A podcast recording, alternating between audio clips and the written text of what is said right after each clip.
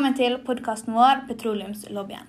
Dagens episode skal handle om petroleumsindustrien i Norge. og Hovedtemaene er hvordan olje og gass dannes, hvor vi finner det, hva som må til for at vi skal kunne utnytte det som en ressurs, og petroleumsvirksomheten i Barentshavet. Hei og velkommen til podkasten vår Petroleumslobbyen.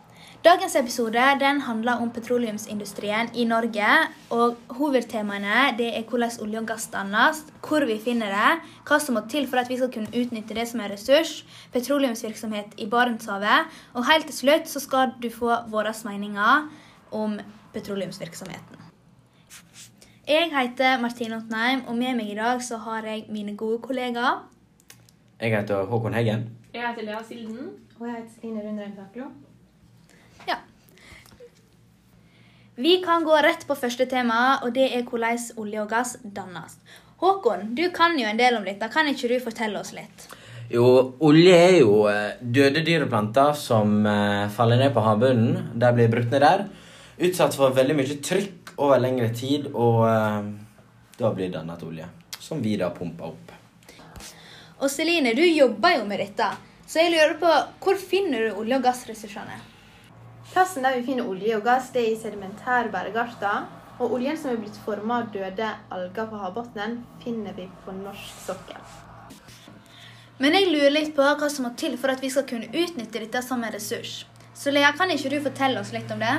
Jo, det kan jeg. Olje og gassen den stiger opp mot overflata fordi den er lettere enn vannet. Og da samler det seg i små porer og hullrom i sedimentære bergarter.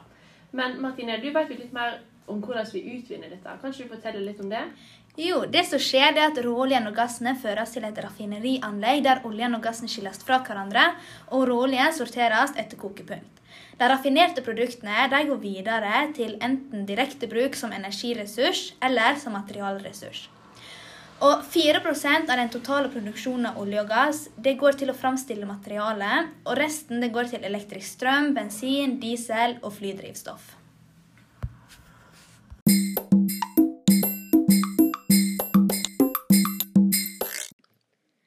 Neste tema det er petroleumsvirksomheten i Barentshavet, og nå så skal vi se på argumenter. Et eh, argument imot petroleumsvirksomhet i Barentshavet går ut på det at det vil eh, gi veldig mye utslipp av olje, kjemikalier, og det vil forurense eh, sjøen, og det vil skade sjøfugler, pattedyr, fiskeegg og fiskelarver og andre marine organismer. Men det påvirker òg miljøet fra petroleumsvirksomheten i Barentshavet, og den ser fortsatt ut til å være liten. Økning av aktiviteten kommer midlertidig, og en sterk økning i temperaturen i havet og en reduksjon i sjøisen vil gå utover de arktiske artene. Ja, og I utredninga som Stortinget fikk da de åpna Barentshavet, så var det gjort grove økonomiske regnefeil. Eh, det kom fram at Oljedirektoratet kjente til risiko for milliardtap på oljevirksomhet i nord, men Stortinget fikk aldri se disse tallene. Nei, og det er jo egentlig, først nå, sju år etter at uh, opplysningene uh, i rapporten kommer fram, fordi at denne rapporten har blitt holdt hemmelig. Stoltenberg-regjeringa holdt jo den hemmelig for Stortinget. Og rapporten konkluderer jo med at oljepri hvis oljeprisen synker med 30% så vil jo da um, um, Barentshavet sørøst, eller da oljevirksomheten i Barentshavet, um, mest, mest helt, helt sannsynlig uh, gå i minus. Så det vil bli et tapsprosjekt uh, for staten å uh, drive olje, oljevirksomhet i Barentshavet. Et av argumentene for å sette i gang petroleumsvirksomhet i Barentshavet, det er at Oljedirektoratet de forventer at 65% av de uoppdagede ressursene på norsk sokkel ligger i Barentshavet. Og dette kan gi Norge store inntekter og mange arbeidsplasser. Et annet argument for det kan jo være at noen av verdens største oljeservere ligger under bakken, og norske forskere har funnet utrolig store mengder olje og gass på havbunnen tidligere. Men vi må jo egentlig huske på det at um det er jo bare Oljedirektoratet som forventer at 65% ehm, av de uoppdagede ressursene er på norsk sokkel. At de ligger i Barentshavet. For de forventer bare det. De vet ikke. Og de har jo holdt tilbake rapporter før, så det kan være de fortsatt gjør det. Og um, de sier det òg at det kan gi Norge store inntekter og mange arbeidsplasser. Det sa de for åtte år siden i dag, og det kom fram til å være noe helt annet.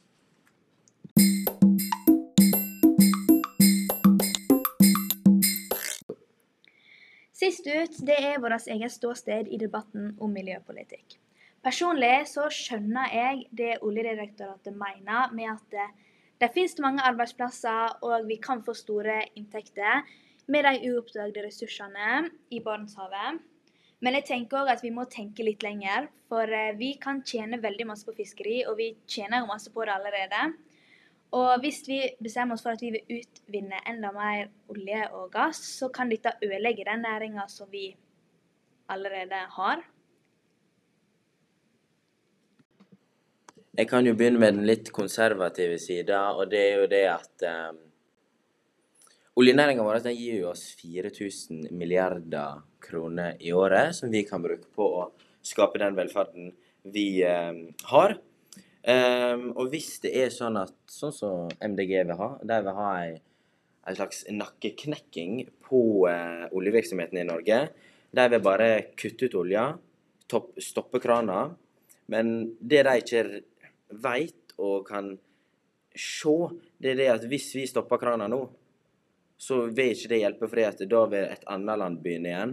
Da vil Saudi-Arabia eh, begynne igjen. Og det er jo et land som eh, undertrykker kvinner. De får ikke lov til å kjøre bil. De steiner homofile.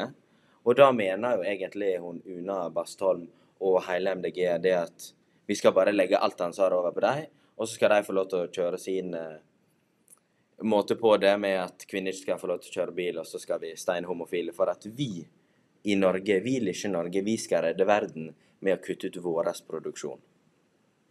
Men jeg tenker jo at eh, vi bør være flinkere med å sortere plast, fordi det går ofte utover de fattige landene som er helt uskyldige. Og vi i Norge vi er ganske sløve på det, men det er fortsatt mange andre land som er det òg. Og så burde vi redusere bruk av eh, farlige kjemikalier. For det går jo utover forurensning, og det kan føre til klimaforandringer. Og det er jo ikke bra for eh, isen i det hele tatt. Mm. Ja, jeg er helt enig, og jeg tenker at som sagt tidligere, så kan vi faktisk ikke stole helt på Oljedirektoratet. Eh, for de har jo skjult ting før. Og eh, vi kan ikke ta den sjansen at eh, de skal få skjule noe enda en gang. For det kan få store konsekvenser for oss. Og litt det sånn som Celine er inne på, det at eh, vi som stat i Norge, vi slipper veldig mye Vi som enkeltpersoner bruker veldig mye plast og overforbruker det. Men vi må jo legge press på de store eh, landene, sånn som Kina, som dumper flere tonn plast i, i, havet om dagen. Og det, som sagt, så, som Celine sa, så går jo dette utover de mest fattige landene, sånn som eh, Thailand og mange øyer ned i Asia, som får all denne plasten vår. Så litt sånn kort oppsummert så vil jo eh, en, å starte mer oljevirksomhet i Barentshavet er, jo ikke, er jo ikke nødvendig i mitt syn. Eh, fordi at når staten og eh, tidligere regjeringer holder tilbake rapporter som er viktige for eh, å skape mer arbeidsplasser og og større inntekter når de holder tilbake sånne eh, rapporter, og det viser seg at det er det motsatte. Eh, så ville jeg heller brukt penger på å, å oppgradere de vi har, til å gjøre sånn at alle oljeplattformene um, drives på landstrøm, sånn som dette nye Johan Sverdrup-plattformen gjør. Og så kan vi heller hjelpe da andre stater, andre land, til å gjør det samme, da. Helt enig. Da begynner vi å tenke på å runde denne episoden her. Og vi kommer sterkere tilbake i neste episode. Takk for oss, og på gjensyn. På gjensyn.